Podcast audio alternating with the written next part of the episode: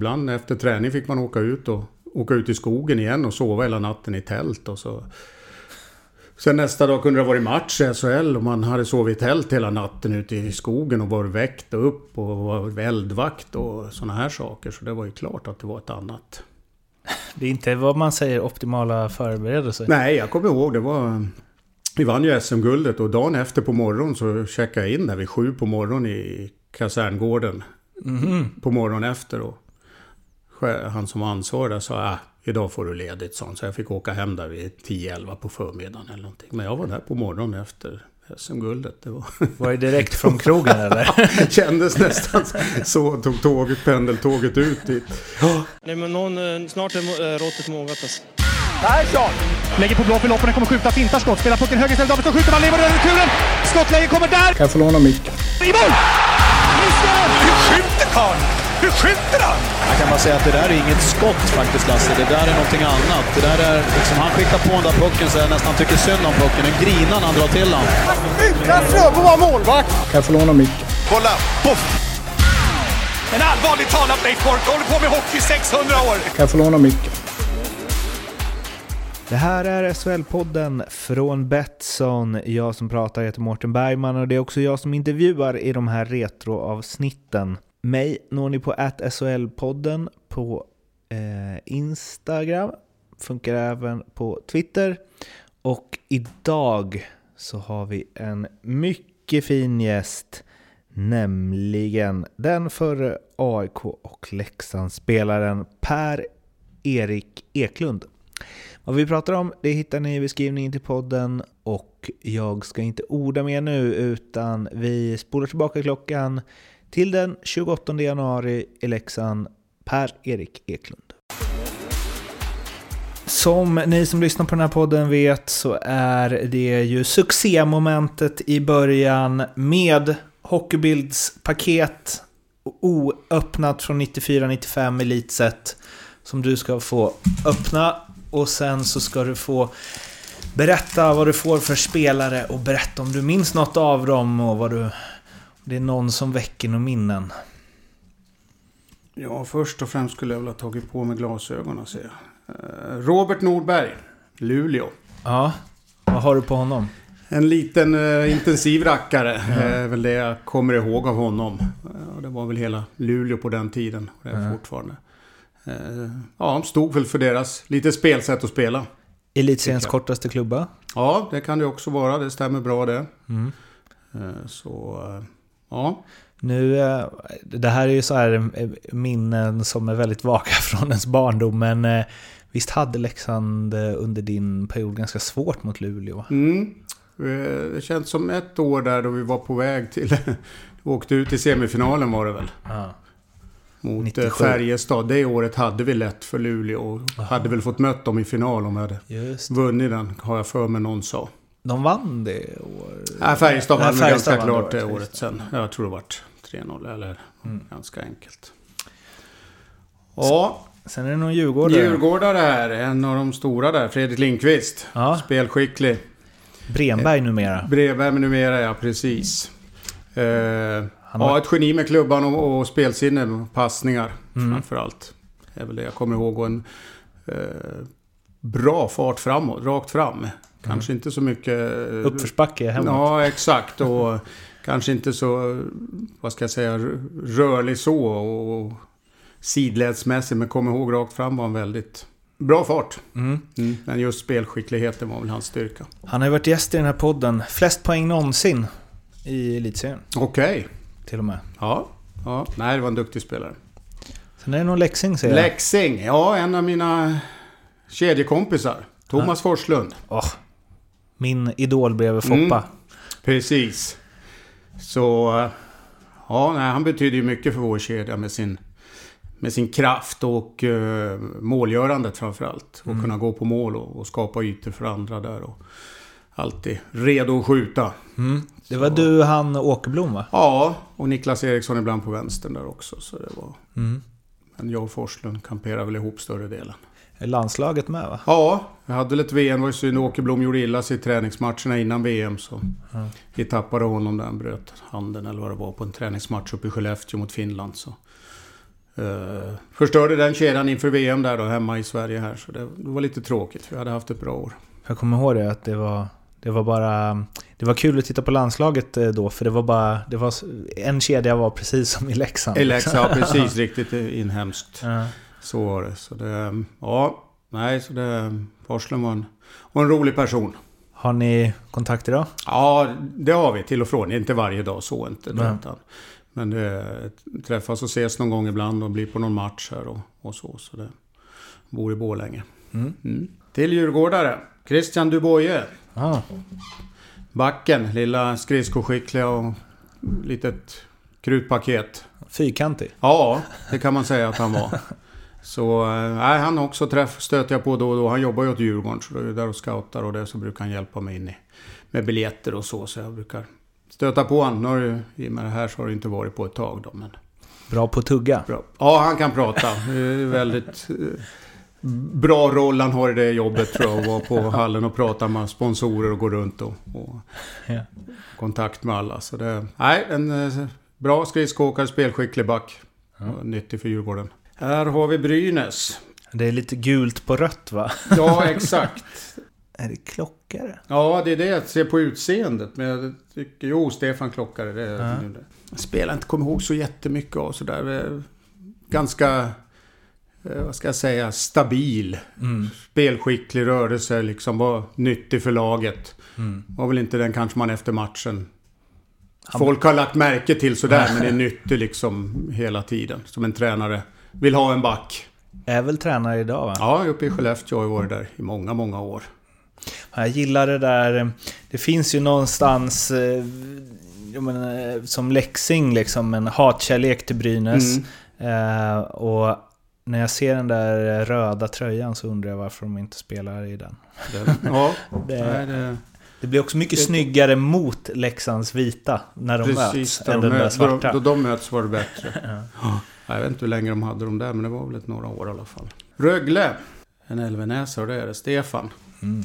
Lite Och- innan min tid. Ja, Eller det jag är också så inte, mycket där. sådär jättemycket minne av honom så. Det lilla om, om det är på isen eller bara allmänt jag har. Men det var väl en, en offensiv spelare också för mig. Mm.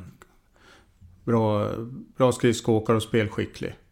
Jag är väl lite målgörare, men jag kan inte ha en riktig bild av honom sådär. De är väl oerhört stora där.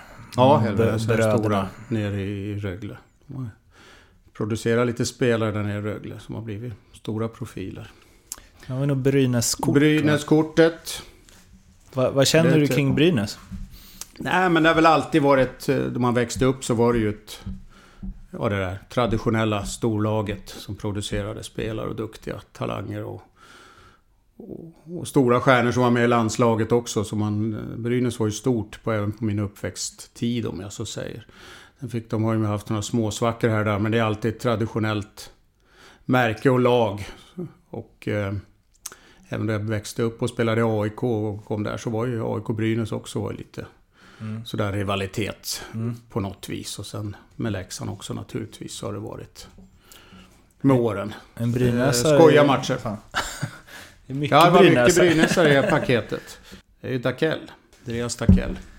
Men honom måste du ju spelat med i ja, landslag och så. han eh, var med i... eh, Lite snabbt sådär. Undrar om han var... Ja, om han var en som eh, var med i kedjan där med Forslund och med då Åkerblom gick bort. Eller gick bort ska jag inte säga. Då har han varit skadad.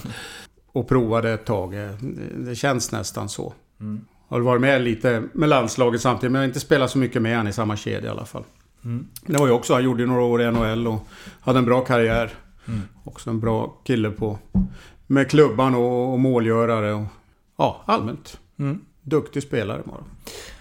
När du kollar på de där bilderna, nu är ju de från, ja du hade väl fyra år kvar på karriären eh, då, ungefär fyra, fem år. Vad, vad får du för känslor när du tittar på gamla hockeybilder från en svunnen tid? Svunnen tid, ja. Ja, eh, ja hockeyn har ju ändrats och det gör den ju eh, med åren hela tiden naturligtvis. Och det, det är väl det man lägger märke till när man ser matcher. Det gick väl lite långsammare som det naturligtvis ska göra. Allt utvecklas ju på så sätt. Men, eh, spelet var ju annorlunda tycker jag. Det var ju...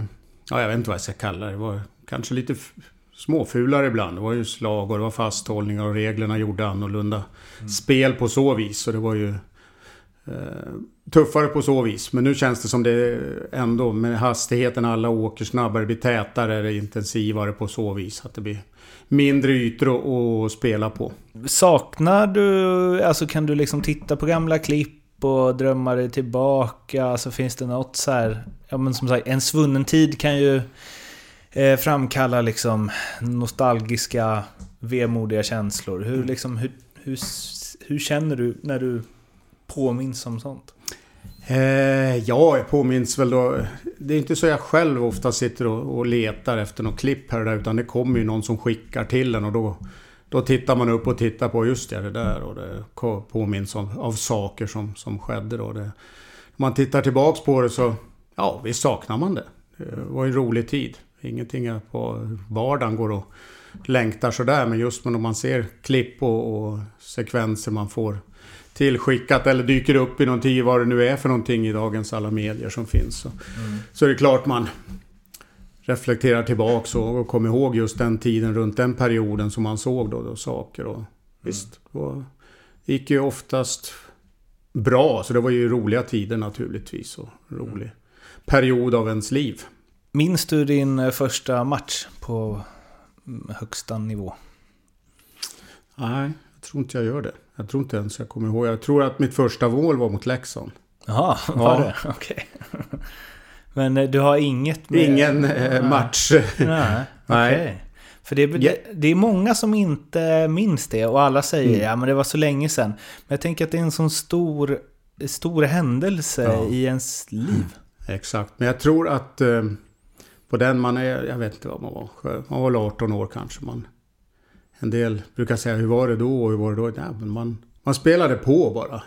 Hade jag varit 30 då jag började liksom, då hade jag nog tänkt på det på ett annat vis. Man är, men i den åldern så kändes det som man, man tyckte det var kul. Man tränade, spelade, det var liksom livet, allting. Man älskade ishockey. Och tänkte inte på så mycket vad som hände egentligen. Det brukar säga, ja vad gjorde ni då? Vad hände då? Jag, kommer inte ihåg, man bara spelade och tyckte det var kul. Det var knappt som man reflekterade för första SM-guldet. eh, Liksom man, Det bara hände. det bara hände. Det liksom var inget man gick och funderade på efteråt. Det gick väl några veckor, sen var det nästan som... Ja, nu är det en ny säsong på gång. Man, ja, Patrik Karnbäck sa det när jag pratade med honom att... eh, mm, Och det var i och för sig senare än det här, men det kanske stämmer ännu bättre in på liksom mitten av 80-talet då. För han sa det, det var liksom inte så... Han var det är klart det var stort, liksom Tre Kronor och sånt. Men det var också som att eh, vi var bara ett kompisgäng som var mycket, mycket bättre än alla andra kompisgäng. Och därför spelade vi i elitserien.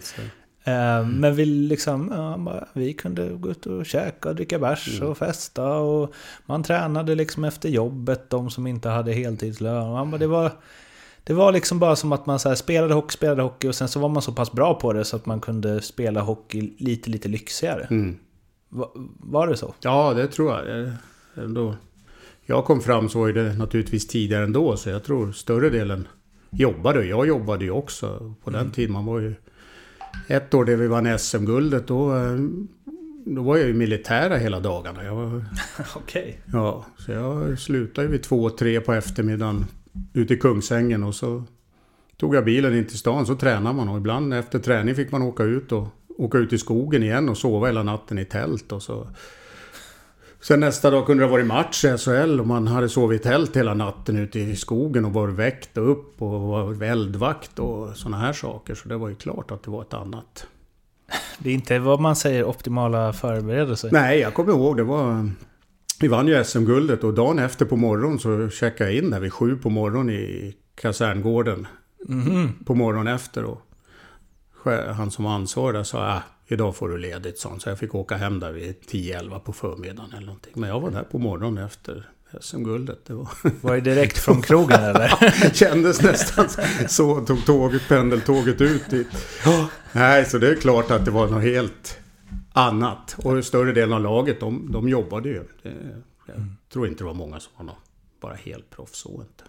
Vad Minns du något först? Minns du liksom debut i Tre Kronor? Eller? Ja, det var mot, eh, det kommer jag ihåg. Jag tror, jag tror sig. Eh, det var ett år då det var ett OS-år, vad det var. Men... Eh, 84? Ja, vi mötte, jag tror det var Kanada några matcher. Mm. Men det känns som att det bara gick... Från din debut liksom eh, i AIK där så känns det som att det bara gick eh, spikrakt eh, uppåt flera år där. Det var liksom, ja men som du säger, det var SM-guld och det var OS och det var lagkapten i VM och det liksom till NHL efter tre år. Det kändes som att det bara flöt ja, på. Ja, nej det... Måste säga det. Jag klarar väl också skademässigt. Mm. Det är väl en viktig del att det ska flyta på naturligtvis. Man kan träna på och köra vidare. Eh, nej, det, det, tog väl steg hela tiden. Varje år förbättrade. Och det var väl kanske då man hade börjat landa och förstå själv att man måste mm. lägga ner lite extra tid hit och dit. Fram till dess så mm.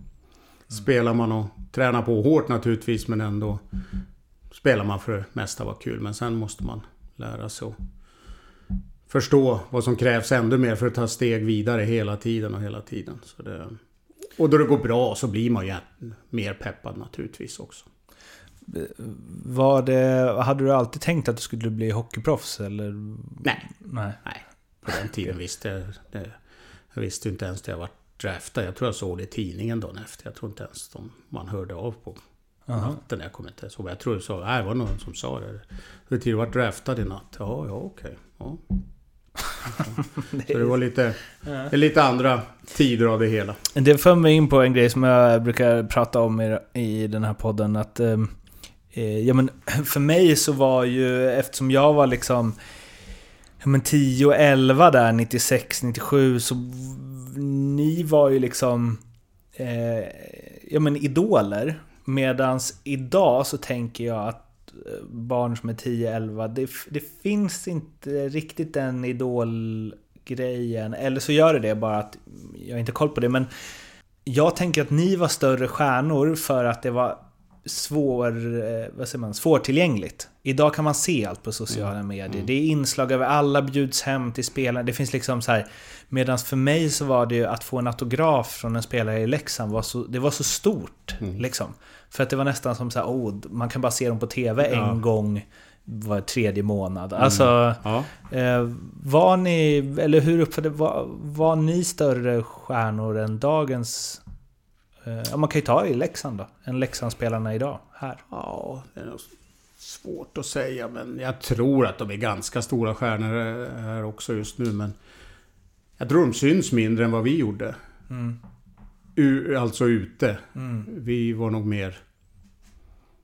Ja, inte brydde oss om så mycket att gå ut och, och handla och vara bland folk och liksom nu är man mer ute kanske på tider då det inte är så mycket folk ute och man håller sig undan lite mer och man är lite mer anonym tror jag. Så man, man ser dem inte lika så ute på, på bygden som Nej. man gjorde förr i tiden. Nej. Men sen ser man dem mer, som du säger, på TV och reportage och intervjuer och det mm. följer dem på ett annat vis på så sätt. Mm.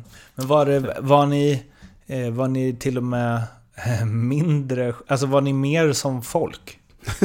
Han har mer folk i oss. jag förstår vad jag menar. Ja, jag förstår. Jo, jag förstår vad du menar. För det var mycket mer lokal prägel. Samma spelare var i lagen år efter år efter år. Mm. Det kanske inte var värsta grejen att stöta på Micke Holmberg på Nej. ICA liksom. Nej, jag tror att det var liksom enklare att, att se oss lite. Uh -huh. Då och då ute i, i vanlig miljö. Mm. Än bara i ishallen om jag så säger. Mm. Och även folk som gick ut på på kvällarna och kanske partajade en fredag också. Det är liksom så. Det var lugnt mer, liksom. Mer än vad de vågar göra nu i dagsläget. Uh. Jag såg en um, sammandrag på 20 minuter från den här matchen mot uh, Färjestad. uh, för bara någon dag sedan faktiskt. Det var någon som hade ja, filmat in från VHS och lagt upp. Och då uh, tänkte man ju att uh, herregud vad det har hänt grejer med mm. hockeyns utveckling. Mm enorm mm. skillnad. Exakt. Nej, det är jättestor skillnad. Om man, ja, skulle man gå tio årsperioder hela tiden så är det ju väldigt stor skillnad på vad som händer 10-15 år om man ska gå tillbaks och sen 10-15 till efter det och titta på Rolle Stoltz och allihopa så är det klart att det är en stor skillnad. Men jag brukar säga att även de här bästa, Stoltz, Tumba, Nisse Nilsson och alla de här på den tiden hade varit bra på den här tiden nu också om de hade fått vara med och växt upp med den ishockeyn som är. Hade du varit, varit talang då så hade du lyckats bra nu också i ishockeyn. Mm. Liksom. Så det, men det är bara att det var på ett annat vis och annan träningsmängd och Mm. allt vad som är. Så det, det är Hur- inte så konstigt. Hur ser du på utvecklingen i hockeyn? Alltså, bra do- och slash dåliga saker? Vad... Ja, eh, vad ska jag säga? Det känns väl som... eh, Det är många, naturligtvis många saker. Det är lätt att säga att det är bättre förr. Tycker många. Det är klart att det är mycket, många, många saker som är mycket bättre nu naturligtvis. Eh, Där de klarar att spela i ett tempo. Ett högre tempo. Klarar att spela i det. Eh, Sen är det inte alla som gör det heller. Men det känns som kanske att det är flera spelare som klarar av att spela nu. För det klarar att åka skridskor och ligga bra i banan. Så klarar av. För det är mycket åkning fram och tillbaka. Du hinner hela tiden tillbaks till situationen. Även fast du gör misstag om jag så säger. Så, så känns det väl som. det. Kanske lite av... eh, I och med att du åker mycket så... Förr fick man tänka lite mer tror jag. Att du åkte rätt. Men nu är det mer åka och du hinner komma tillbaks för du åker och åker. För Robert Burakovsky sa att det var roligare då. Det var roligare hockey. Och då var jag såhär, ja, jo, liksom om man tänker lite såhär, ja, gamla gubbar som tyckte att det var bättre förr Mm. liksom. Eh, men det, är ju jävl, det var jävligt kul att titta på de 20 minuterna. Även om jag visste att det skulle gå åt helvete för Ja, Leksand. så- Det är ju, alltså... Det är, det är som att det bara dyker upp folk överallt. Ja, och det ja. kan hända vad fan som helst känns det som. Eh, det är ju väldigt eh, kul hockey. Mm. Alltså- ja, det, jag, jag kan inte säga att jag har sett någonting av det där sen, sen jag slutade nästan. Så jag kommer knappt ihåg. Det skulle vara kul kanske att, att ta en titt igen hur... Vad den största skillnaden är naturligtvis och hur det såg ut då. Man kan ju förstå att när någon kom på liksom något, något nytt, alltså typ så torpedhockeyn, Mm. så, man kan ju fatta att det slog igenom. För att det ser inte ut att vara supermycket, alltså det är så här talangfulla bollspelare som gör sitt bästa. Mm, mm. alltså, det ser inte ut som att det finns så mycket plan Nej, över saker och ting. Nej, nej, Kan det stämma? Ja, ja, det var ju synd att du inte gör det. Jag hade väl en plan i alla fall att försöka göra någonting. Så är det Men det är inte så mycket struktur liksom, Nej, utan det är Nej bara... man får spela kanske mer på egna intuitioner då. Mm.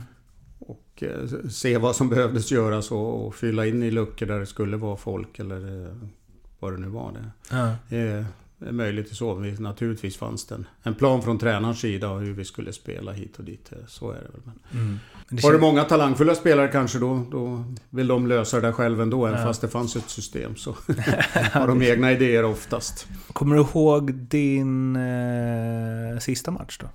Ja, nu fick jag tänka till, men det gör jag väl. Det var väl en slutspelsmatch uppe i Luleå, tror jag. Där vi åkte ut med 3-1 i matcher kanske, eller något sånt. Det ser ut att stämma. Ja. Varför la du av?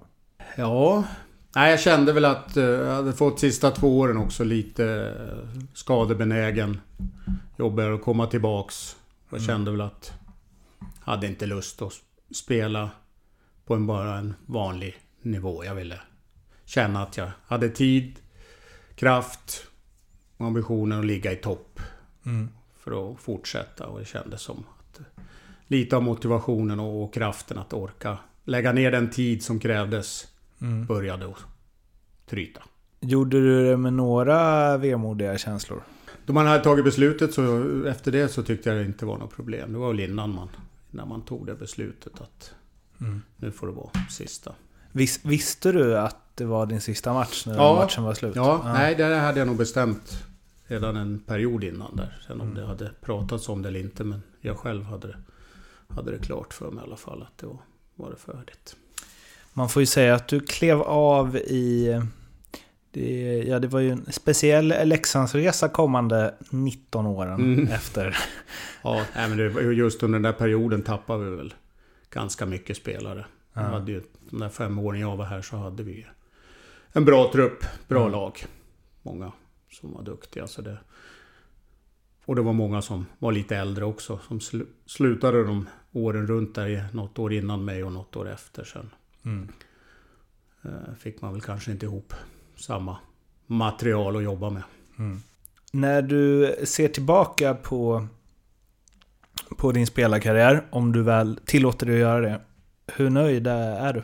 Ja, på en skala 1 till 5 så är det väl i alla fall 4, 4,5. 4,5. Lite mer kan man väl väl ha gjort här och där men tror kom upp i ganska hyfsad nivå på det jag skulle ha klarat av. Eller ska klara av. Mm.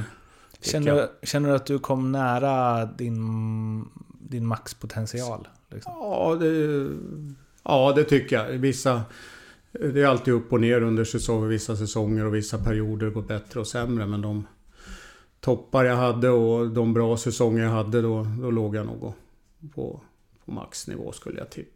Sen sov du ju i tält också ibland. Ja, så exakt. Det... Så det är inte så jävla enkelt. det är inte så enkelt. Eh, vi ska prata lite om eh, Leksand också. Ni får ursäkta ni som inte håller på dem. Men det var ju... Eh, det är för att du varit i klubben i närtid och också som du berättade innan vi körde igång att du har ju bott här sen du spelade här. Och det har ju varit en berg och dalbana med många fler störtande dyk än uppgångar eh, tills där vi, vi är idag då. Eh, men om vi börjar med liksom eh, som åskådare, eller vad man ska säga. Du har ju varit mm. inne och tränat och assisterande och så, men som åskådare, hur har det varit? Alltså hur har, hur har det varit alla de här åren? Att se det, för jag antar att du sett väldigt mycket matcher och känner folk runt klubben och liksom. Ja, nej, det är väl klart det man har varit här och, och tittat på mycket så blir det frustrerande naturligtvis. Står upp och ner hela tiden om man inte får in den där stabiliteten. Och det är väl det man har, har saknat i, från, från topp och mm. neråt om jag så säger. Även från, från ledning att man inte har fått in folk som har kunnat jobbat mm. över tid och i lugn, lugn och ro. Det, det förstår jag att det är svårt att göra lugn och ro men att man får ändå lite samman folk som jobbar över tid. Mm. Det känns som det har varit in och ut på alla nivåer. Varför har det varit så? Ja, man har väl kanske inte tålamodet och så fort det går dåligt så, så måste man göra någonting. Och då är det antingen från toppen eller på tränare eller sportchefer eller... Mm.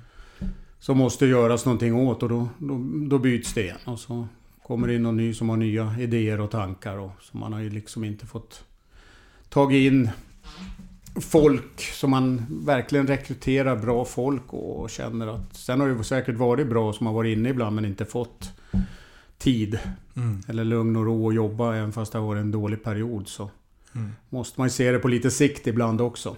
Mm. Har du liksom velat, eh, som sagt du har varit inne eh, och jobbat i Leksand några gånger, men har du, har du velat vara mer engagerad än vad du varit? Eh, alltså... Några perioder har, ja precis, varit ja, vad ska man säga, då de har sökt någon så har jag lagt in för, för några av, av jobben då, om man så säger. Men eh, ja, så det, det har man känt att, nog tror jag kunna ha hjälpt till på, på, på någon nivå. Mm.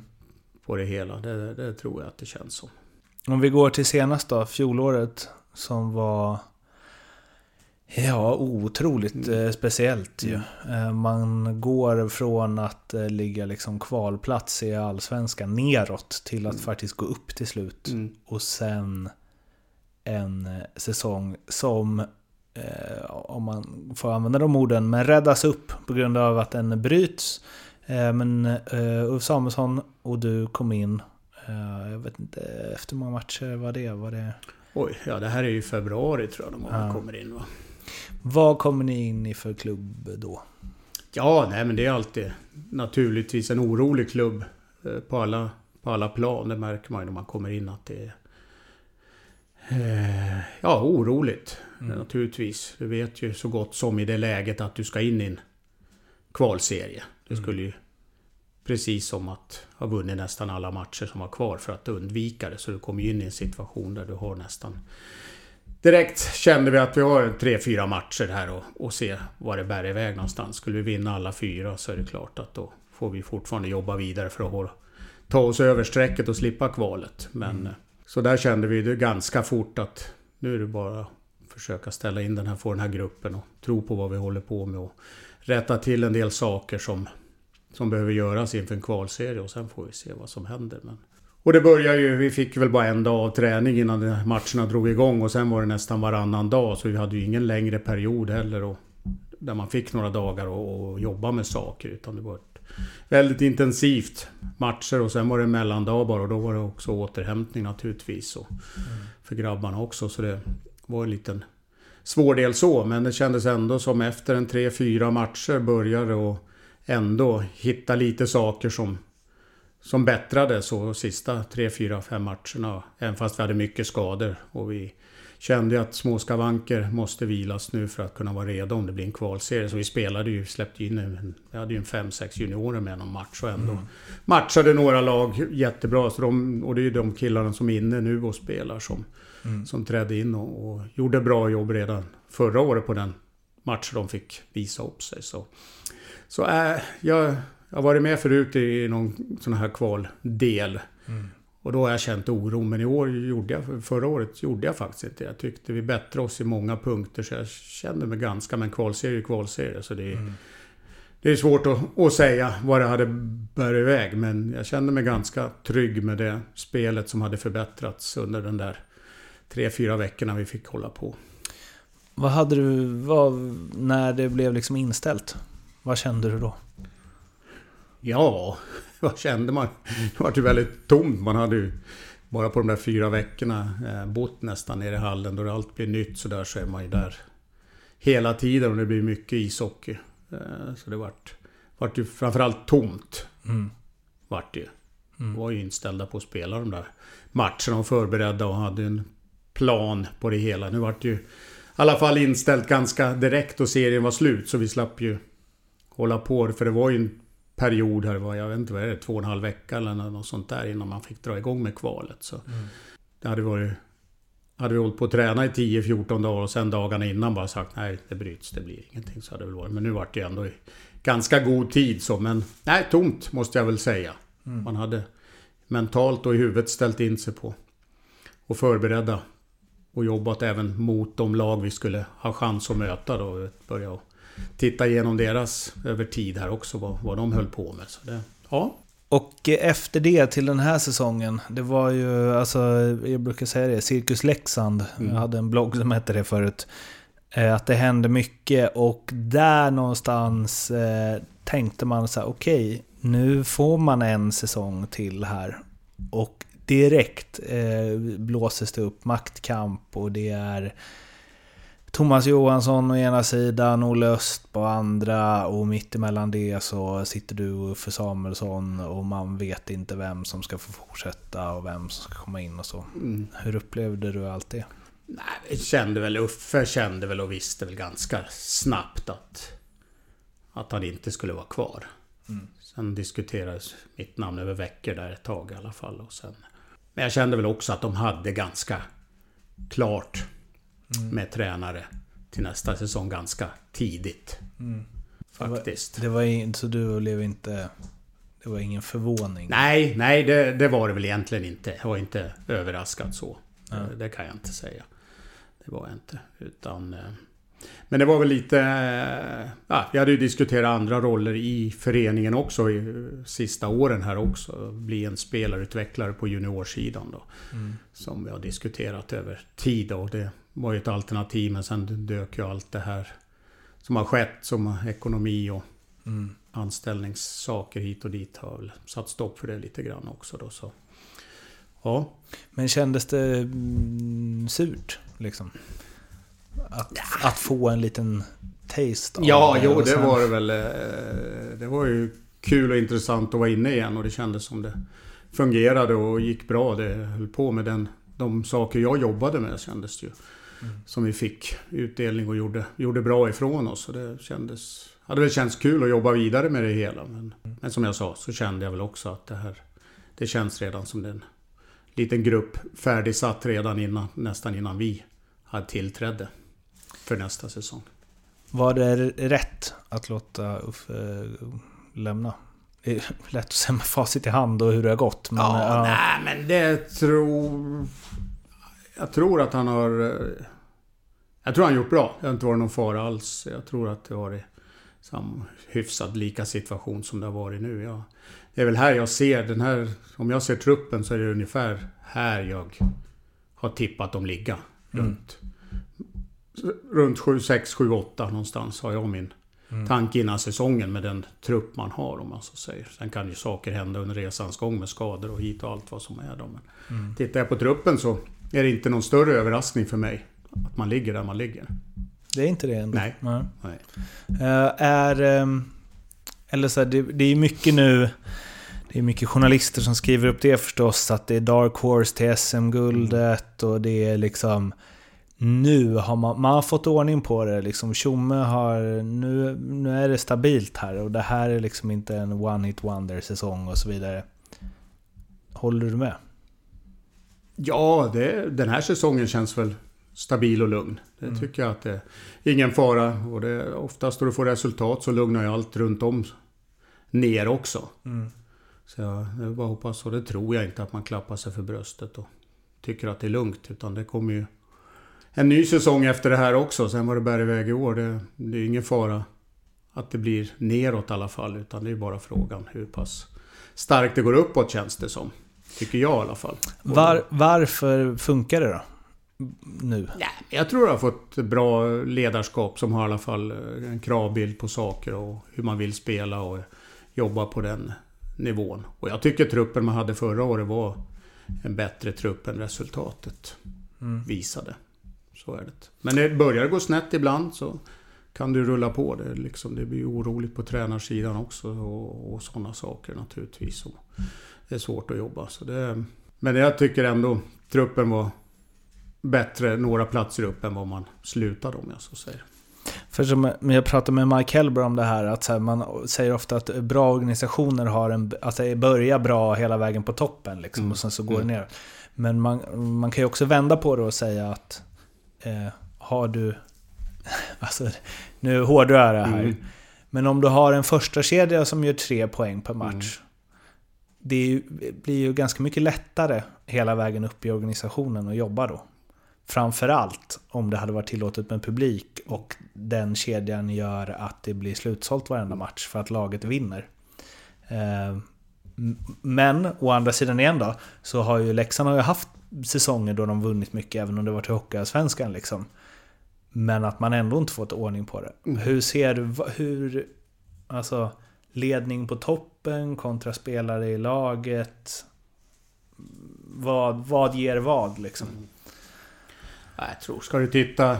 Och jag är mer så att man ser över tre till fem års tid. Då måste du ha en bra toppledning också som, som styr skeppet.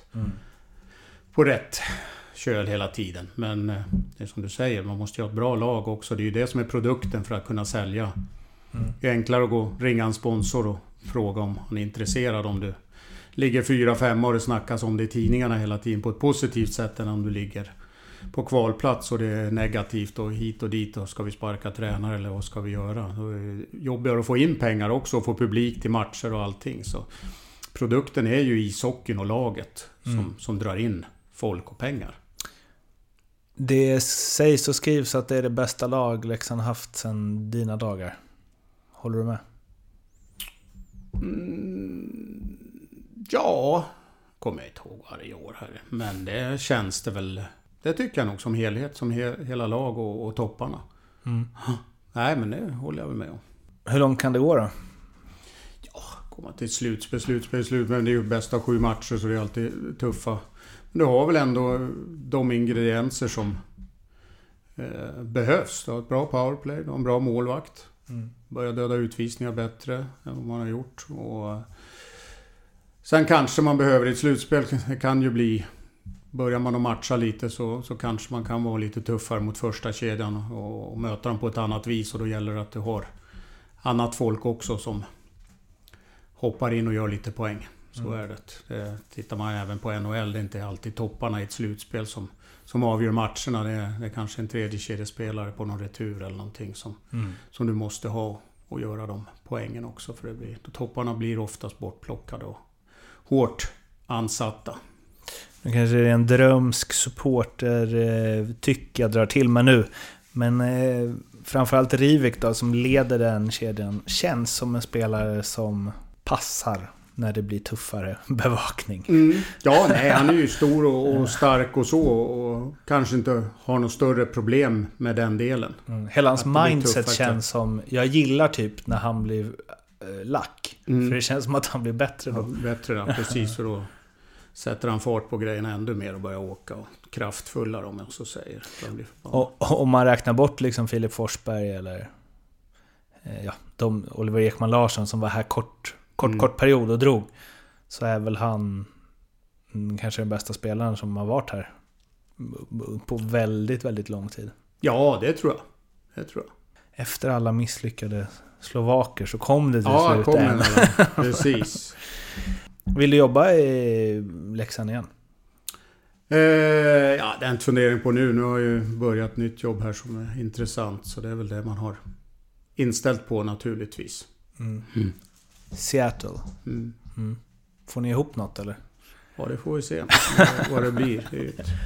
Är ett, ja, annorlunda år naturligtvis och, och jobba för oss nu också. Då ska förbereda oss för det hela. Så det är klart att det är lite tuffare. Men eh, få ihop ett lag tror jag man, eh, man har nog en hyfsad plan och har lärt sig hur Vegas jobbade. Mm. eh, hur de gick till. Sen, om, sen är det nog svårt att få ihop ett så fungerande lag direkt som de, som de fick naturligtvis. Det skulle jag väl tro. Den kan ju vara godkänt även om det inte blir Stanley Cup-final första året. nej då, det, skulle det vara i Stanley Cup-final första fem åren så ska det vara godkänt ändå känns det som. Eh, vi ska gå till del två. Förutom Foppa Sudden Lidas, vem tycker du är Sveriges bästa spelare genom tiderna? Det är klart att Salmin kommer upp, men är också lite före min, före min tid riktigt. Med de här killarna som ja, mer höll på då jag höll på så är ju... Ja, det är svårt att säga. Men jag gillar ju de här som är stabila. Två jag har gillat är ju Thomas Sten och Bengt-Åke Gustafsson. Stora där borta fast... Då fick man väl inte så stor uppmärksamhet här hemma. Det var inte den täckningen som, som det har varit de sista åren naturligtvis. Men de var stora namn i sina klubbar. Och Sten var väl första kapten där också i Winnipeg. Svensk, så han var, var stor där. Måste jag säga. Det. Sen måste jag ha med Lob. Det är väl den enda som har gjort 50 mål av svenskarna. Ehm, och det här för mig ju in på en grej som jag inte brukar med här, men jag, jag bara måste ta upp det. Eh, per Bjurman, Sportbladet, gjorde ju en väldigt gedigen ranking över de 100 bästa NHL-spelarna Sverige haft. Eh, och på 17 plats hittar man Per-Erik Eklund. Och jag vet att jag, eh, trots att jag liksom Eh, ja, håller på Leksand och följde slutet av din karriär i alla fall så tänkte jag så här, va? 17? Så högt? För det är liksom, det är Bäckis precis innan, Näslund, Zetterberg, eh, Näslund igen, både Marcus och Mats, Kenta Nilsson, Håkan Loob och sen är det liksom Hedman, Lun- eh, Lunkan, Erik Karlsson, bröderna Sedin, Alfredsson, Salming, Sundin, Foppa, Lidas. Jag tänkte är han så högt upp? Eh, och då skrev i motiveringen så eh, står det Om NHL bara varit en lite större angelägenhet i Sverige på 80-talet och början av 90-talet Om matcherna visats på blågula kanaler, om hockeyfansen kunde följa ligan på samma sätt som idag Då hade Per-Erik Eklund varit en sann legendar i sitt hemland idag Eh, och sen säger Kjell Samuelsson att eh, det har jag ofta tänkt på när det gäller just Pelle, han borde vara ännu större. Eh, om folk i Sverige sett mer av hur bra han var i NHL hade han räknat som en av de största. Det blir svårt att säga håller du med? Men eh, förstår du, f- förstår du eh, eller är de något på spåren? Eh, jo, det är ju som jag sa. På den tiden så vart det inte uppmärksammat på samma vis. Och det är klart att du har ju sett många av de där mycket mer varje dag. Du, du liksom får ju uppflashat varje dag på sporten eller i tidningar eller mm, alla tittar på det här mer än vad man gjorde då. Så det är klart att på den tiden, många spelare som var då fick inte samma... Eller folk vet inte hur pass bra de var där borta egentligen som de var. Mm. Så det, sen kan du ju jämföra spelare fram och tillbaka naturligtvis hit och dit. Men eh, nej, det var många av de där på den tiden som var duktiga och viktiga för sina lag. Men om man ser på liksom Ja men de från, från den tiden som är med på den här listan är väl eh, Lob, Kenta, Patrik Sundström va? Och eh, ja, Mats Näslund. Och eh, Patrik Sundström kanske går om man inte är liksom inne i hockey. Han kanske går lite utanför. Men liksom de andra, liksom Kenta Nilsson, Håkan Loob. Det känns som att de har fått mycket mer uppmärksamhet Mm, jo, än vad det- du har fått. precis. Alltså, så känns det väl att det är ett antal eh, spelare även nu för tiden, eller tio år tillbaka, som en del får bara mer uppmärksamhet än vad vissa andra får. På. Mm. Vad det beror på det vågar jag inte säga, men det kanske är mer hur man är som person också. Man är lite... Kanske öppnar och gör lite extra saker på isen, någonting som... Mm. Eh, som syns. Räcker med någon dragning eller någon mål du har gjort så kan du leva på det känns det som i, i fem års tid. Men det är ändå match efter match, helheten, hur mycket du betyder för ett lag, det du gör. Känner du att du har fått eh, den uppskattning, och då pratar vi inte om eh, från spelare och ledare och så, utan från liksom svenska folket? Eller känner du att du har varit lite i liksom en, om man får använda ordet doldis ändå? Ja, med tanke på vad ja det, det tror jag väl lite dåligt. Det måste jag väl säga. Det tror jag. Eh, som jag sa, det var väl mina... Ja, sista åren jag stack härifrån Sverige gick ju naturligtvis bra med AIK, med SM-guld och allt vad, vad det var. Men mm. de starka åren var väl ändå där borta. Mm. Där jag var som, som bäst, som inte man fick kanske uppleva. Som... Som... Eh, ja, inte fan då, men som fantast av ishockey. Mm. Så det... Jag har faktiskt eh, ett sånt här kort också. Ja. Från eh, tiden där borta. Mm. Exakt. Eh, vad tänker du om det? Flyers? Ja, ja Flyers. Eh, ja, ett speciell klubb naturligtvis. Som ja. har en krävande publik och stad som... som eh, men älskar sin, sin sport. En mm. arbetarstad. Mm. Man vill att lagen skulle jobba och, och slita och försöka vinna matcher. Du kanske inte var klippt och skuren för Nej. Broad Street eh, Bullies hockey Nej, direkt? det var väl... Ja. Var det Chicken Swede när du kom dit eller? Mm, var... Nej, ingen fara i laget. Nej. Nej, det var det inte. Utan där fick jag ju hjälp ganska direkt om det var någonting. Mm. Spelade ju mycket första året och det, i fjärde kedjan och där var det ju nästan bara slagskämpar på yttrarna. Spelade du fjärde kedjan första året? Från början ja. Och gjorde ändå 66 poäng. Ja, Gjorde väl ganska mycket. Spelade ju powerplay i första och andra uppställningen där direkt. Men annars var det väl mestadels i fjärde kedjan. Ja, jag vet inte. Jag, väl ett, jag vet inte hur han ligger än, men en av de jag spelar med, Tim Kerr heter han. Han gjorde ju 50 mål några år och han gjorde väl ett rekord där på 32 eller 33 powerplay-mål ett år. Och där Aha, okay. hade jag väl säkert 30 assist av dem. Han hade en god sån ratio mål kontra assist. Mm. Liksom dubbelt så många mål som Ja, han var en riktig målgörare. Eh, men hade... Mm, alltså om du åker till eh, Philly idag, blir du stoppad på Ja, jag var, nu är det faktiskt något år sedan jag var där. Men ja, det händer ju om man går in i ett shoppingcenter att någon ja. stannar och, och hälsar på en och, så. Fast man inte har varit där på 20 år. Så. Men i ishallen blir man igenkänd av ganska många, det måste jag säga. Är du mer igenkänd där än om du går på Hovet? Kolla Gnaget. Ah, det är nog ganska lika. Ah, okay. ja. Mm. På tal om NHL då. Världens mm. bästa spelare genom alla tider om du inte får säga Gretzky eller Lemieux. Mm, vad bra. Mm. ja, på forwardsidan säger jag Mark Messier. Mm. Och på backsidan Ray Bork. Vill du motivera? Ja, det är samma där som med Sten och, och de. Kompletta spelare. Mm. Och kanske inte femmer i, i någon sak så, men det är fyra och fyra och en halv på det mesta. Mm. Var det tufft, som Messier och Bork, de, var det tufft så spelade de på det sättet också. Och spelade sina 25-30 minuter. Tog viktiga lägen, viktiga spelare för laget. Mm. Så de håller jag riktigt högt måste jag säga. Uh, om du får tänka helt fritt, vilken regeländring hade du velat testa någon match inom hockeyn? Ja, slippa en klubba runt midjan varje gång man åkte någonstans. men nu för tiden? en, ta bort någonting nu? Ja. Oj, regeländring nu. Åh, vad var jag tänkte på häromdagen? Som tänkte att det där borde... Nej, jag kom nog fasiken inte på det.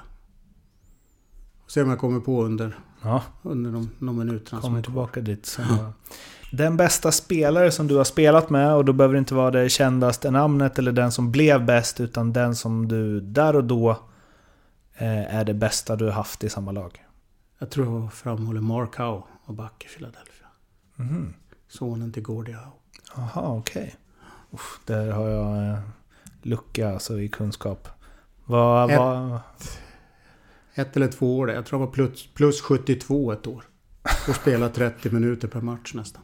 Ja, det, ja, han var, för, ditt första år var han ju plus 85. Ja, han var bara 85. Ja, exakt. Det är bra ändå. Han spelade ända till 95. Ja. Ja. Nej, han var... Kille som flöt fram på isen och bra kille. Nej, han... Och där har en till som fick egentligen inte den... I Philadelphia fick han den credit, men inte runt om i ligan. Ja. Gjorde väl någon All-Star-match där tror jag också. Det gjorde han väl, men... Bästa spelare du mött? Alltså just i, när du säger liksom Messier som du väl har mött många Mm. gånger antar jag, men då håller du ju honom i någon form av så här... Eh, vad ska man säga? Alltså overall, men just motståndares prestationer kanske mer. Alltså om det är någon du så här... Som nå- ett par matcher eller så som du känt är det här är det bästa jag stött på liksom. Ja, det var väl egentligen när man började kanske man stötte på den här ryska femman. Mm. Makarov och Krutov och Larionov. Då kände man sig lite underlägsen måste jag väl säga. Var de mycket bättre än dig? Ja, Ja. i alla fall då jag kom fram. Jag var väl, mötte dem bara där jag var typ 19, 20 Ja. år. Ja. Hade jag fått möta dem där jag var min topp kanske runt 25 där, då hade man väl sett det på ett annat vis skulle jag tro. ja. Men just då kände man.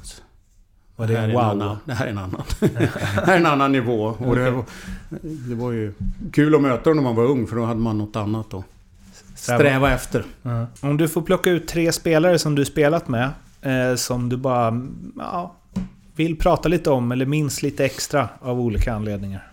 Jag måste väl ta... eh, Ja, du, säger bara spelat med. Det var en var Dave Brown. Mm.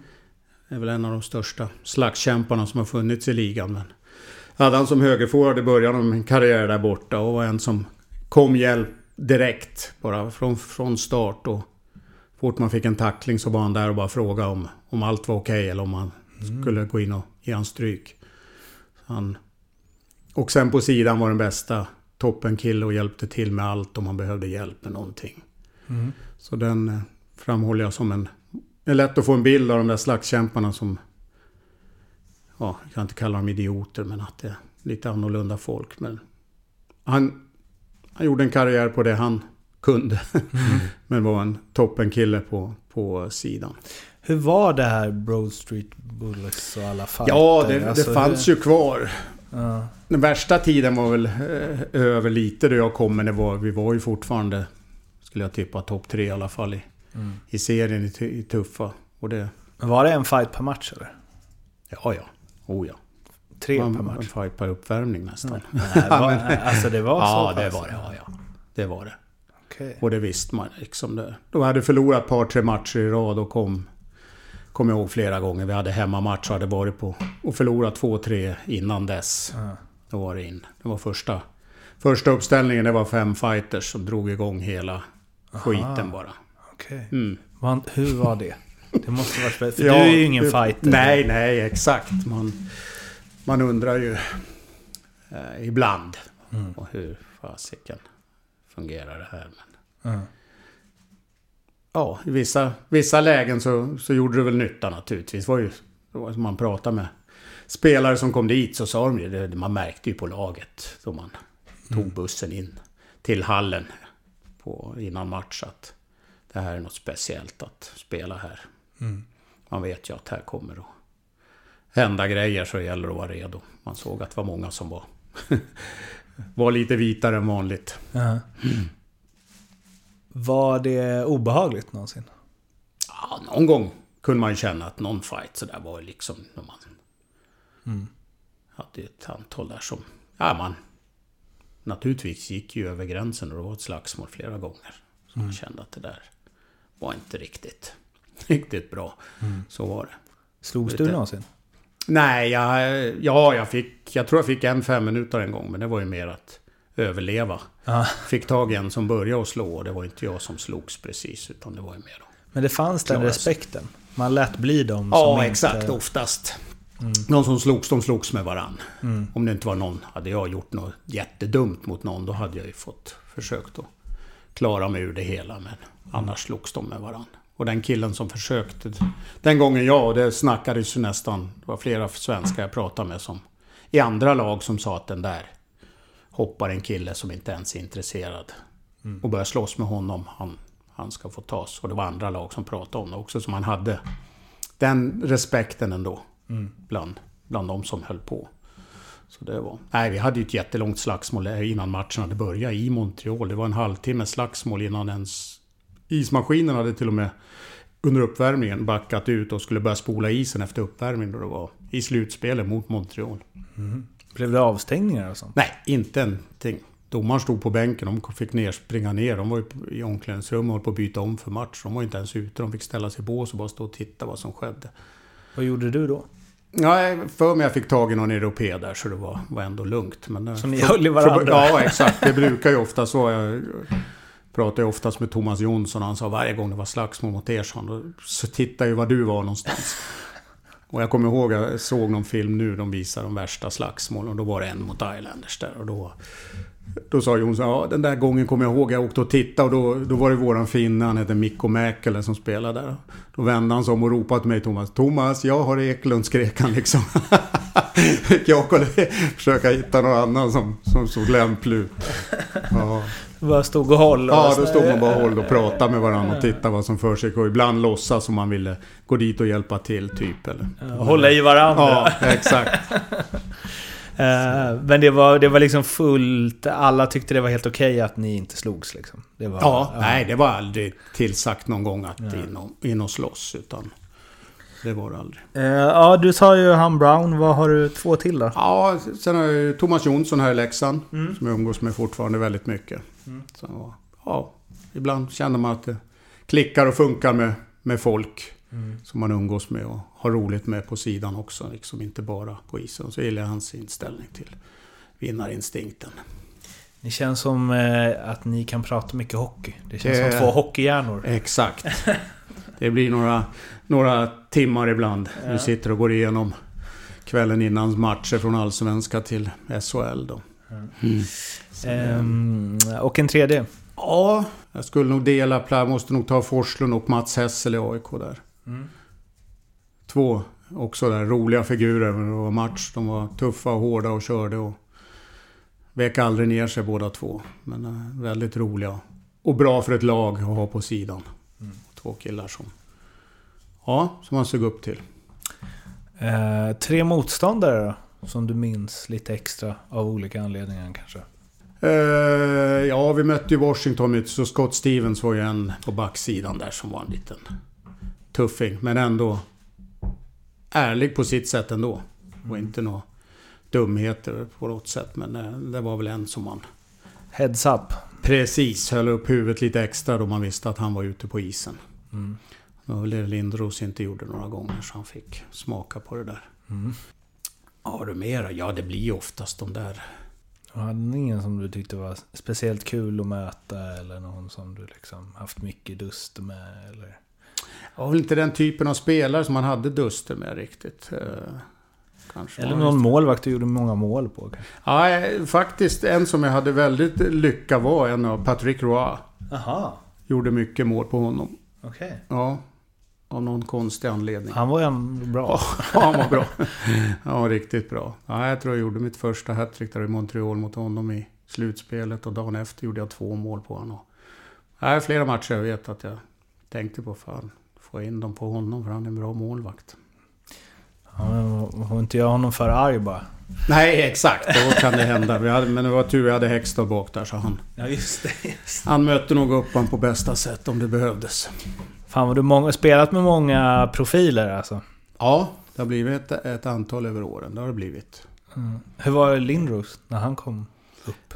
Det var, han Ja, var ju superhypad. Ja, det var ju. och Det, det märktes väl på honom också att han hade stor press på sig naturligtvis. Att han fortfarande var en liten... Ja, vi ska inte säga unge, men ändå en ung kille som kom till ett klubb som hade bytt bort mycket för att få den här. Så det är klart att han hade mycket press och hype på sig. Sen var han li- Det var, ja... Många har väl sett han som en lite speciell person och det tror jag också många kunde se han som. Men var det sådär på sidan med han ensam och det så. Då sjönk han nog ihop och lugnade, var liksom sig själv på ett annat vis och vågade vara det. Och då, bra kille. Men mm. ja, orolig skulle jag tro över allt som har varit först. Att han säger att han inte ska till Quebec. Och det, vart, det var mycket runt om det hela. Mm. Vad... Det här kanske är en jättedum fråga, men hur många år spelade ni ihop? Två? Du och Lindros? Ja... Och säga rakt upp och ner, men två eller tre. Mm. Alltså är det... Alltså, ja, men jag tycker det finns något i det. Men så här, om du träffar honom nu. Mm. Är det liksom så här hjärtligt? Och Eric, kul att se dig. Ja, kram, kul att se dig. Precis, kram. Uh, Ja, det, ja, jag har inte träffat honom efter vi slutade faktiskt. Aha, så, det, okay. nej. så det är svårt att säga hur, hur den skulle bli. Inte tror jag att det varit en kram, men det vart nog i alla fall kul att se er i alla fall och, och pratade lite grann. Så var det. Jag tror att det här var ju direkt han kom också. Mm. Så han hade nog... Ibland brukar jag säga också, man kommer knappt ihåg vissa. Nej, man spelar, exakt. för man har fullt upp med det man håller på med själv liksom. Mm. Innan man kommer på plats och får ordning och känner att det funkar. Och då, då kan man börja ta in saker som händer och sker på ett annat vis. Varför lämnade du NHL? Du, för du tradades till Dallas va? Eh, ja, precis. jag hade bestämt mig då att åka hem. Aha. Och Philadelphia var klara att inte gå till slutspel det året. Så då eh, bytte Dallas till mig inför slutspelet. För du gjorde det ju bra i Dallas. Mm. Mm. Nej, så jag, jag varit erbjuden två nya år där också. Men jag hade redan bestämt mig att åka hem. Jag hade... Du var bara 30 ju. Ja, exakt. Eh, det var väl mer att jag hade en son från ett tidigare förhållande som skulle börja skolan här i Leksand. Då. Ah, okay. ja. Så jag kände att, eh, ja, jag var nio år och var med honom här lite mer då han började skolan också. Med det mm. hela. Ja. Så det var en, en del i det hela.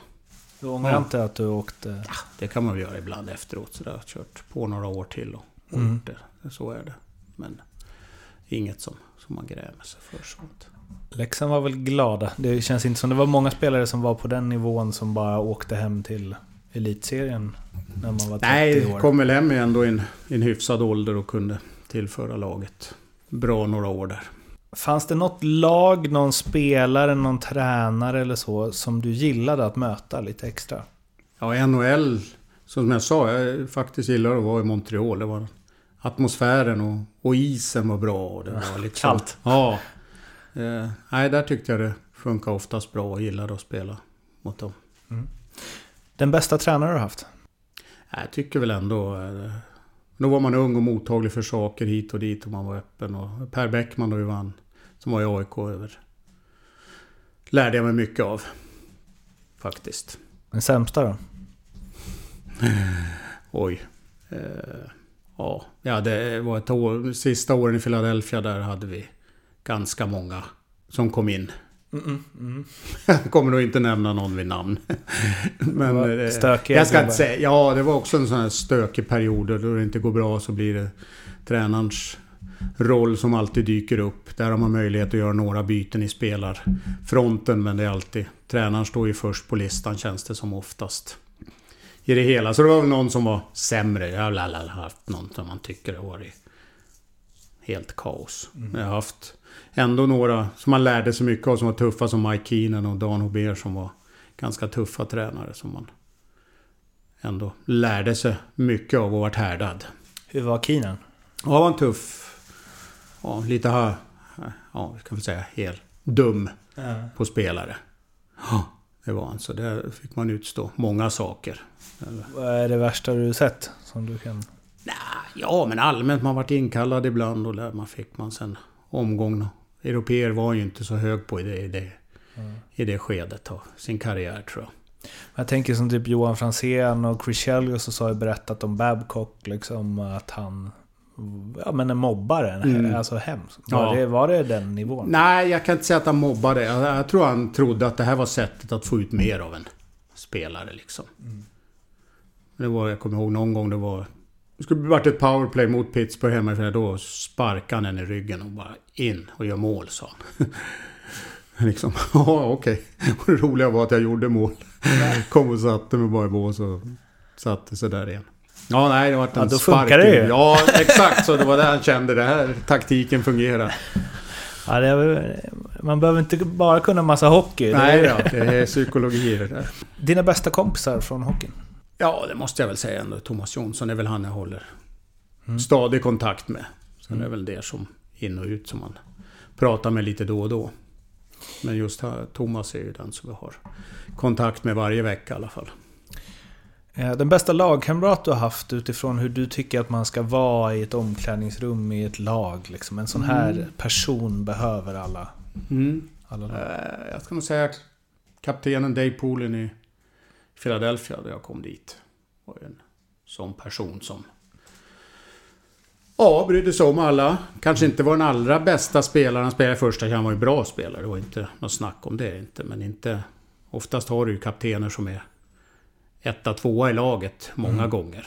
Men den här kanske tillhörde fjär, fyra, femma, sexa i laget på rankinglistan om jag så säger. Men bra person.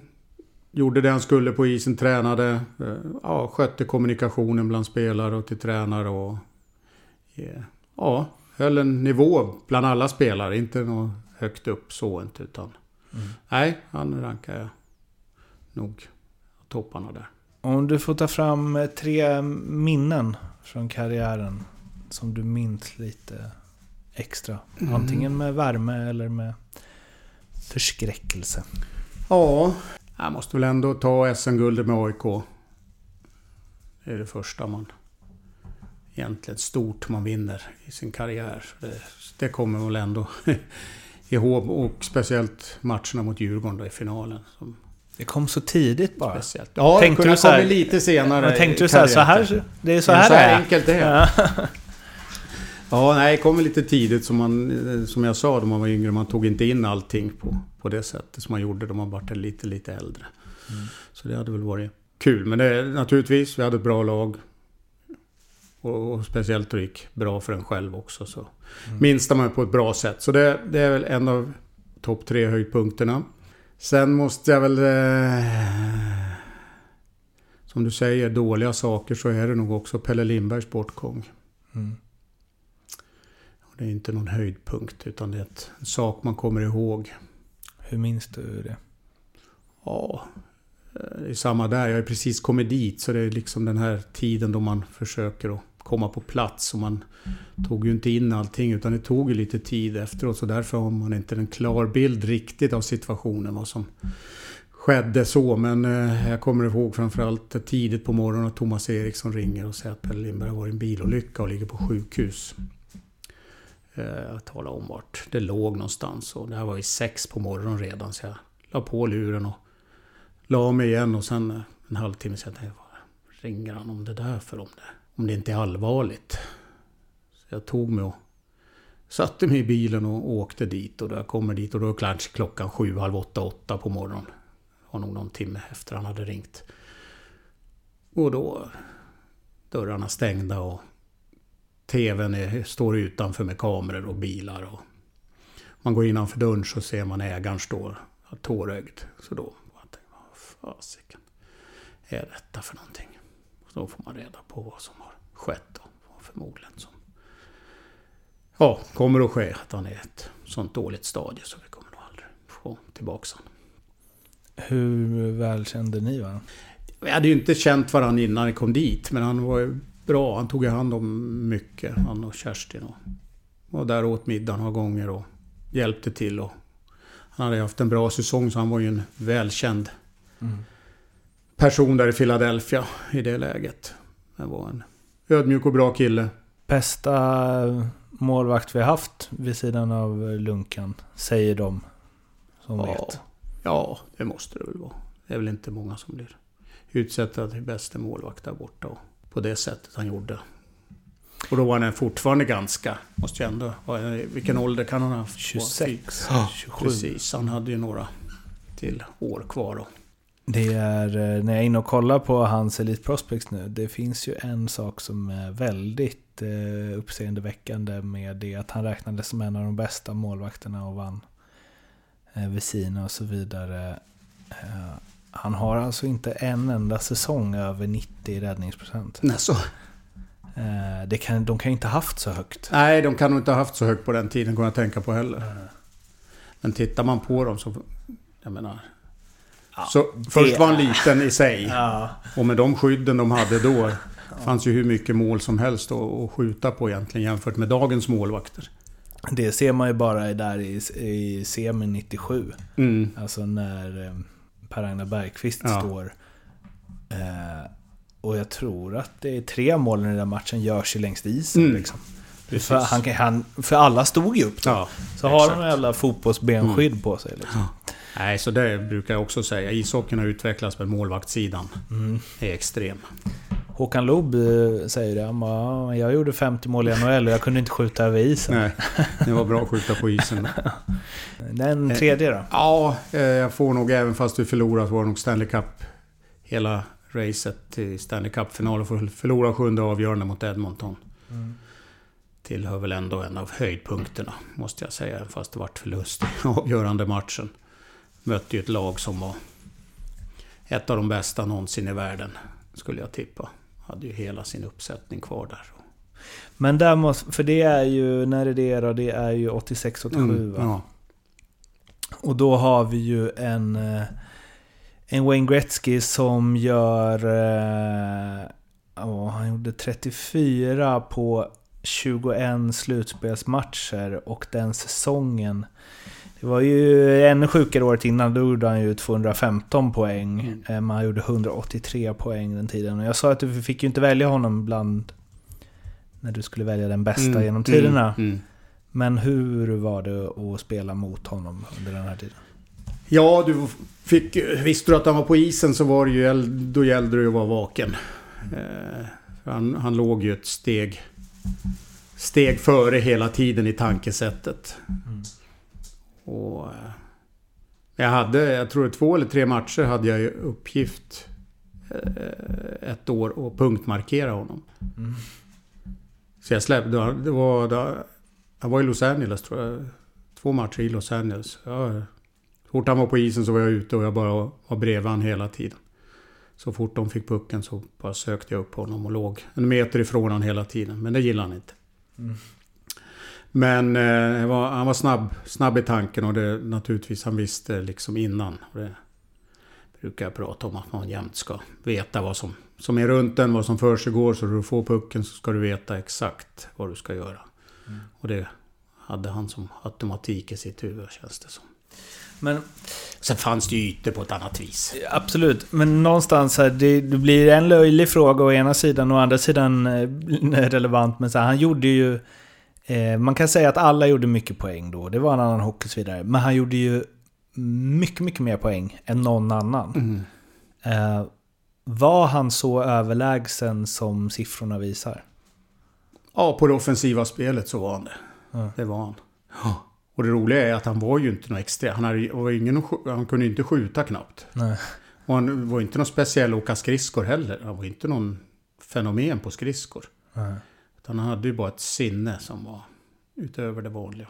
Det gick inte att ta honom eller? Nej, han snirklade ju bort. Och han hade ju börjat med den här nya... eh, Det var, han uppfann väl det i och med att han inte hade fart att åka runt backen. Så vände ju han upp vid sargen. Och så fick han ju ytor och hitta folk som kom efter.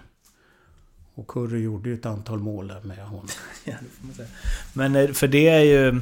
Håkan Loob sa det att så här, Det snackas alltid om att ingen vågar röra Gretzky och han var skyddad. Han bara, det, det är skitsnack. Han bara, vi fick ju order att hugga ner honom. Mm. Men det gick inte. Nej, nej. Precis. Nej då, det är klart om du hade bara bestämt det helt och bara totalt kört över honom så hade väl någon gjort det naturligtvis. Men då hade Utan- du det var kanske inte- haft det jobbigt om du Jo, hade gjort det hade det. du säkert blivit avstängd hur långt som helst också naturligtvis. Ja. Men En han var för smart för att se saker. Ja, ja. När du mötte honom så nära och så, gjorde han grejer som du så här, vad hände nu? Ja, det var med, ja, passningarna. Just det här snabba tänkandet i passningar och hitta spelare. Det var väl det man... Mm. Det var inte så jag såg något jätte att han lurade någon back en mot en som Mario Lemieux kunde göra. Han kunde ju göra en back så han såg ut som en nybörjare. Ja. Men det, det hade inte Gretzky. De, den tekniken hade inte han att kla- klara av det. Du gjorde ändå femte mest poäng det slutspelet. Spelade Mm. i och för sig många matcher också förstås, Mm. men... Eh, eh, fina namn för det där. Gretzky, Messier, Glenn Anderson. Och sen Jari Kurri precis efter. Mm. Jodå, nej det är slutspelet och då fick vi fick några skador så jag fick mer istid. Ja, okej, okej. Spela i toppkedjan med Tocket där och Brian Propp. Prop har jag ingen minne av, men Tocket var ju, han körde ju många år efter det. Oh ja. Nej, vi hade ju många, han gjorde väl 50 mål där vi spelade tillsammans. Sen spelade vi tillsammans. eh, Vi hade en Mike Ritchie, en center. Mm. Han var center och jag vänsterforward och Tocket högerforward ett år. Och det var det året jag tror jag fick eh, MVP i Philadelphia det året. Var inte Rich, var inte han lite allround? Jo, han var en ganska allround-spelare. Ja. Också lite halvdan på skridskorna och sådär. Men var, komplett. Han var väl deras första runda valet, Philadelphia där. Det fanns en del som var rätt halvdana på skridskorna då. Ja, det gjorde det. Mm. Ja, det var ju mer... Jag tror inte lika viktigt. Så var du bra på skridskorna så kunde du utnyttja det. Och backarna var ju oftast stora och lite orörliga. Men kunde sätta klubban Ja, i midjan. du kunde ju hålla i det och, på ett annat vis än vad man kan nu. Vem har betytt mest för din karriär? Ja, förutom pappa så är det väl... eh, Jag skulle säga Werner Persson, tränare. Ungdomstränare. Varför då? Ja, han fick väl att... Ja, han hjälpte till mycket. Träningar. Tränade, tränade och... La ner hela sin själ. Och jag hade han även i AIK. Han var ju fystränare där. Där jag kom till AIK sen också. Och han var ju uppväxt med och bott i Ryssland och... Var tidig på den tiden av utveckling av rysk ishockey och även fysträning. Så... Eh, nej, lärde mig mycket av honom och han tog mig också lite under hans vingar och hjälpte mig lite extra. Jag kommer ihåg ibland då. Någon kväll man hade tränat klart vid åtta, man var ju inte mer än 12 år kanske. Och så bara, nej ska du följa med? Hade han i en källare någon annan, på andra sidan stan någonstans. Där han hade sitt video. Allt hopklippt där han filmade och hit och dit. Ville han skulle komma med dit och titta på video. Pappa bara, ja. Till slut fick vi lov att säga ja en kväll där. Så då vart vi sittande där i tre timmar. Jag tror inte kom hem förrän halv tolv på, på kvällen. Och visa klipp på ryska spelare. Hur de skridskoteknik och hur de gjorde si och gjorde så. Och såg den där detaljen. Han var väldigt på detaljer. Så han var ju tidig. Så han var ju lite som en läromästare för de här Thomas Storm och de här ungdomstränarna som har varit i Stockholm. Och Så många som har fått vara med honom och titta och, och lärt av honom. Så var det. Tänkte på en grej förresten, för nu frågar jag vilka du har spelat med. Vem är den bästa spelare som du har tränat? Ja, nej, det har väl inte varit något så... Det känns väl nästan som det var någon förra året och de kommer väl kanske en klarare bild av Rivik eller Abbott Spencer var ju bra då vi... Spencer Abbott hette han. Eh, Då vi tog över så lyfte han sig väldigt mycket måste jag säga. Såg lite loj ut. Ja, han var väl väldigt... eh, Så väldigt tanig kille också. Det var inte mycket muskulatur på honom. Så han hade väl inte den fysiken att spela. Men med pucken var han extremt skicklig. Eh, under alla dina scoutingår, är det någon spelare som sticker ut där? Som du antingen som du hjälpt till med att plocka eller någon som ni missat? Liksom? Ja, äh... Ja, missa. Jag kommer ihåg att vi diskuterade faktiskt Louis Eriksson länge. Där jag predikade och trodde på honom. Mm. Såg väl inte så mycket ut för, för saken just då. Men jag sa det. Han gör poäng och mål var än han är någonstans. så någonting... Någonting är det där. Ja. Men äh, ja, vi fick inte igenom den då i alla fall. Vem är den största du varit med och plocka? Det var väl en del första val där i Edmonton? Edmonton, ja vi fick, tog ju... eh, Men det var ju inte så många sven... Ja, den största är McDavid naturligtvis. Och det var väl inte så svårt att Nej. välja emellan. Sen var vi med och... Och det var, det var väl lite och, som var Dreisaitl. Mm. Som har blivit Mm. riktigt bra. Hur såg du honom? Eller liksom? Nej, han var ju borta i Kanada så jag såg han ju bara någon match. Så jag kan inte säga att det var jag som valde honom. Men var ju med i organisationen då vi diskuterade honom i alla fall. Mm. Så eh, det känns väl kanske som en... Inte överraskning, han valdes ju tidigt. Så det var ju klart att vi visste att han skulle bra. Men han har ju verkligen blommat ut måste jag säga. Har du träffat McDavid? Mycket, Ah, eller? inte mer än... Ja, på draften naturligtvis. Ja. Och sen ett år då vi var där så... Ja. På, hade ju mötena i Edmonton. Så det är nog bara en gång till. Hur är han? Nej, han är ju väldigt... Det är väl klart att han är under lupp och press hela tiden också och folk är efter han, Men måste känna ändå kille som står på, på jorden med fötterna och lugnen då på så sätt måste jag säga. Inget, inget upp, hypat ju runt honom. Så inte, av sig själv inte. Där har vi en som kan åka skridskor. Där. Ja, han har en, ett flyt i åkningen och en tempoväxling som...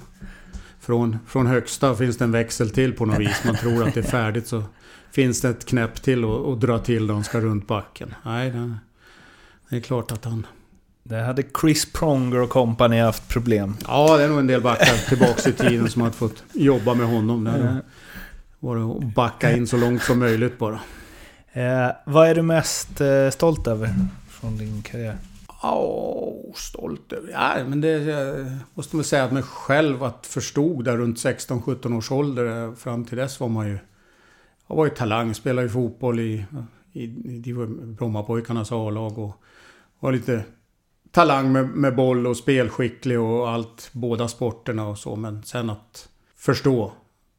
Knäppa på att det behövdes tränas mer och lärde mig att träna mycket. Det, det måste jag säga att jag är stolt över mig själv att jag fattade det och tränade så mycket som jag gjorde. Eh, det största misslyckande inom hockey? Eller något som gnager? Liksom. Äh, gnager? Ja, det är väl alltid någon vinst man... Mm. Som den här finalen. Gnager väl. Det hade varit kul att vinna en Stanley Cup naturligtvis. Och vara så pass nära som vi var. Så den, den ligger väl och gnager och även den här semifinalen mot Färjestad gnager fortfarande då man leder med 3-0 och mm. Känns som vi har helt övertag i så gott som i två perioder. Tills de gör de där sista minuterna, gör 3-1 och 3-2. Mm. Så är vi dominerar matchen känns det som. Helt lugnt. Så de, de två förlusterna, det är väl förlusterna som, som man hade sett. Varit kul och vunnit SM-guld här och fått en Stanley Cup. Vad, det är två frågor kvar nu. Vad är det sjukaste mm. som hänt inom hockeyn? Eh, slash, berätta en rolig anekdot från karriären. Ja, nej, men det är väl, måste jag säga, det är den här jag brukar dra. Det är det här slagsmålet på Montreal som ja. händer där det...